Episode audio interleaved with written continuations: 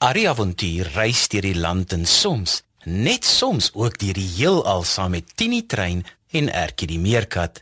Hy's bang vir niks en saam met sy maats verskaf hulle vermaak aan groot en klein. Klim op maats, die storietrein gaan vertrek. Tini is 'n stoomtrein op sy eysterspoor. Arrie is sy passasier, hy soek avontuur. Die Bybel is hul kompas, dit hou hul op die spoor. Van alles wat met jou gebeur, kan jy by hulle hoor. Ertjie is 'n maatjie, 'n meerkat van die veld.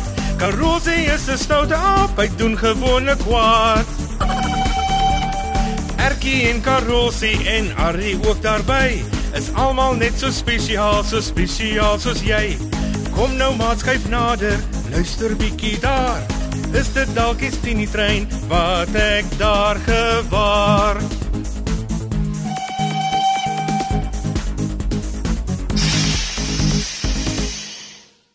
Karusi, en nou, dit lyk asof iemand vir jou gesê het jy mag nooit weer 'n happie eet nie.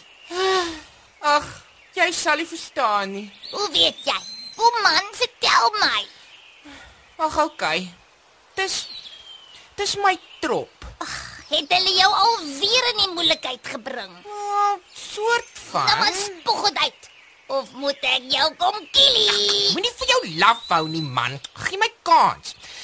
My ma sê sy sien hulle elke oggend vroeg wanneer ek nog slaap uitgaan oor die park se grens. Maar dis by die boer se plaas. Ja, Nou wat doen hulle daar? hulle steel die boer se vrugte en groente en breek sommer onnodig goed.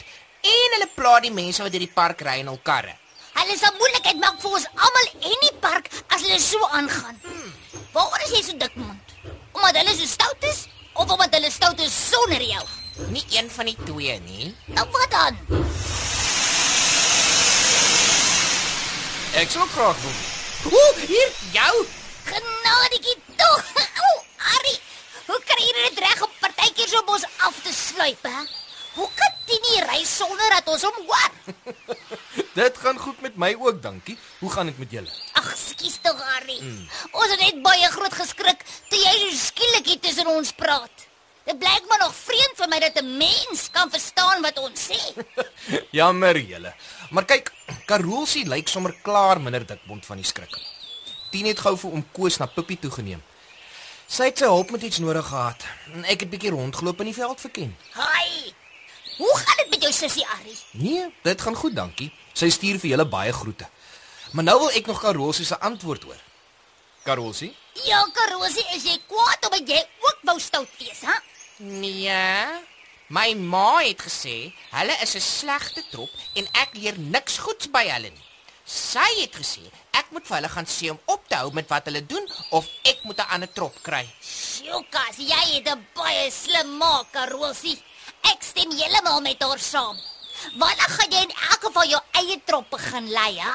Nog nie nou al nie. En ek wil nie vir hulle sulke goed gaan sê nie. Hulle sal my uitlag. Jy laat my nou aan Jona dink. Hmm, um, iemand in jou Bybelboek, Ari? Net so ja, net so. Jona en die groot vis. Het Jona 'n vismaatjie gehad wat so beter weterig was soos hierdie meerkatmaatjie van my? Ai, Nee. Hulle was nou nie eintlik maatjies nie. sien die groot vis het hom ingesluk. hom ingesluk. Hmm, net so ertjie. Sjoe, was Jona 'n man of 'n muis of 'n ander baie klein diertjie soos ek, hè, Ari? Want weet jy, ek het nog nie een vis gesien wat groot genoeg is om 'n hele mens in te sluk nie. Wat van 'n baber? 'n Baber kan miskien 'n baie klein kind insluk. Nee, nee, wag nou. Jona was 'n groot man, soos ek. Oh, wow, wee, daardie groot vis moes verskriklik groot gewees het. Ja. Wat 'n soort vis is dit? En waar sal 'n mens sulke visse kry? En hoekom het die vis vir Jona aangesluk? Ja, okay, okay. Wag nou een vraag op 'n slag, oudjies. Die meeste mense dink dit kon dalk walvis wees, want dit is die grootste seedier wat ons van weet. Die blou walvis is 30 meter lank. Wat is 'n seedier? 'n Dier wat in die see woon. De. O ja, en weet jy miskien wat die see is? Slimmie. Toe nou maar julle. Moenie lelik wees met mekaar nie. Julle weet mos hoe lyk die rivier wat hier deur die wildtuin vloei, reg? Ja, Arrie. Nou al die riviere soos hierdie een wat oral oor die wêreld is, loop uit in die see. Dit is so baie water so ver as wat jy kan sien en die grootste deel van die aarde is toe onder die see. Ek kan nie eens dink hoe soveel water in mekaar kan lyk nie, Arrie. Jy sê vir ons moet gaan wys eendag. Maar maar hoekom het die vis vir Jona ingesluk, hè? Jona was 'n profeet van God. Iemand deur wie God met mense praat, né, Arrie? Net so slim meerkat. Jy onthou mooi. Ja, God het vir Jona gesê dat hy vir die mense van die stad Ninive moet gaan sê dat God kwaad is omdat hulle so stout is. Jona wou dit nie doen nie. Dis soos Karosie. so bietjie soos Karolsie, ja. Maar Jona het sommer op 'n skip geklim na 'n ander stad toe om vir God te probeer wegkruip. Mens vir God wegkruip, Arrie? Nee, wat ertjie nee wat. Dit sommer sukkel. God is oral. Nou wat het gebeur? God het 'n groot storm laat opkom wat so erg was dat dit gelyk het of die skip sou sink. Die storm het al erger geword. Jona het die matrose vertel dat hy op die skip is om van God te probeer vlug en dat hulle hom maar oor die kant van die skip moet gooi want dit sal die storm laat bedaar. Dit klink dom. Ek sou nie dit gedoen het nie. Sst. Die golwe het dadelik kalm geword en die wind het gaan lê. nou wat het met Jona gebeur? Dis toe dat die groot vis vir Jona ingesluk het. Net toe hy in die water land. Hy was 3 dae en 3 nagte in die maag van die vis. Toe Jona vir God vra om hom te vergewe en hy sê hy sal doen wat God hom vra om te doen, het die vis vir Jona naby Ninive uitgespoeg. Nou het Jona toe met die mense van Ninive gaan praat, Arrie. Ja, Ertjie. En die mense het geluister. Hulle het opgehou met die stoute dinge wat hulle gedoen het.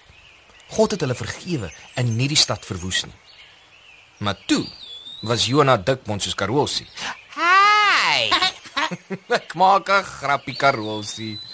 Maar ja, Jona was ontevrede.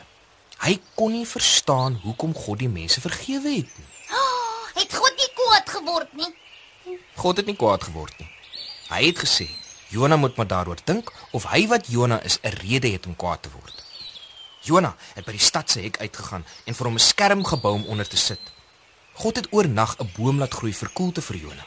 En Jona was baie bly daaroor. Ag, dit was baie gaaf.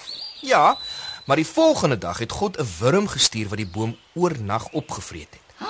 Die son het warm geskyn en 'n warm wind het gewaai. En toe vra God vir Jona of hy nou 'n rede het om kwaad te voel.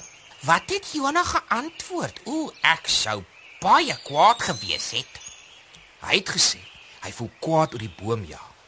En toe sê God: "Jy is kwaad oor die dood van 'n boom met wie se groei jy niks te doen gehad het nie. Maar tog wil jy nie hê dat ek 'n stad met 120 000 kinders in moet laat lewe nie." Jona Jona dink weer. Sjoka, sit dat mens regtig dink, Arrie. Mm. Die Israeliete was God se spesiale volk vir wie hy lief was.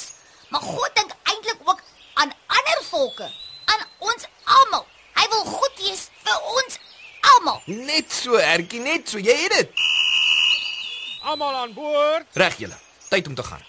Karolsie, ek dink jy moet maar vir jou ma luister. In sterkte hoor. Okay. Totsiens, Arrie. Totsiens, Harry. Totsiens, Tini Trein. Totsiens, oom Koos. Neem ons volgende keer saam see toe asseblief. Ja! Tini is 'n stoomtrein op sy eysterspoor. Arrie is sy passasier, hy soek avontuur. Die Bybel is hul kompas, dit hou hul op die spoor.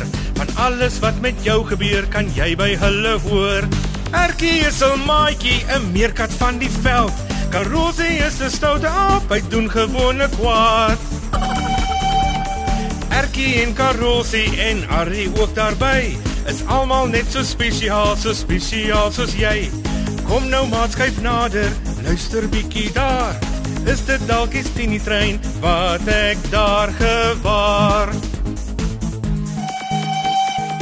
Die avonture van en Erkie is geskryf deur Elsie Stander. Dit word opgevoer onder spelleiding van Lazelle de Bruin, tegnies versorg deur Neil Roo en vervaar deur Worldwide Media.